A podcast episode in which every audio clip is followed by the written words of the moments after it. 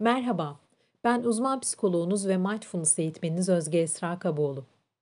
Hadi gelin, bugün denizler üzerine konuşalım. Bir denizin hikayesini anlatın desem size. Nereden başlardınız ve nelerden bahsederdiniz? Hepimizin hikayesinin içerisinde denizin çok sakin olduğu günler mutlaka olacaktır. Bazen adeta çarşaf gibi dümdüz, manzarayı size net bir şekilde gösteren, masmavi gözlerinizin önüne serilen bir denizden bahsedersiniz. Bazense hafif dalgalıdır bu deniz.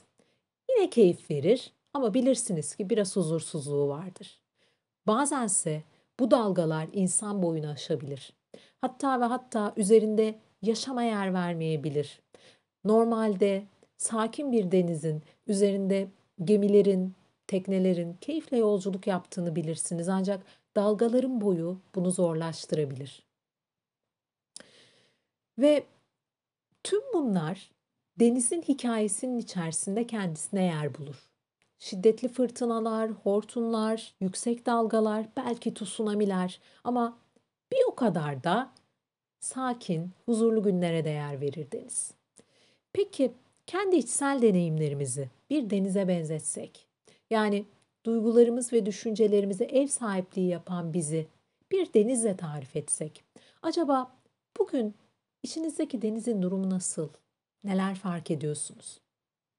Bilirsiniz ki denizin her bir dalgası bir yerde son bulur.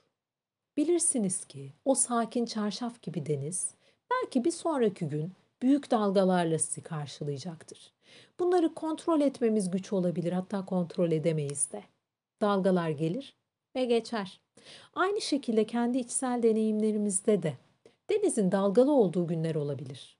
Biraz hırçın olduğu, huzursuz olduğu anlara rastlayabilirsiniz. Ve belki çok kısa bir süre sonra o dalgaların sakinleştiğini de fark edebilirsiniz. Çünkü yaşam böyledir. Duygularımız, düşüncelerimiz de tıpkı denizin dalgaları gibi gelir ve geçer.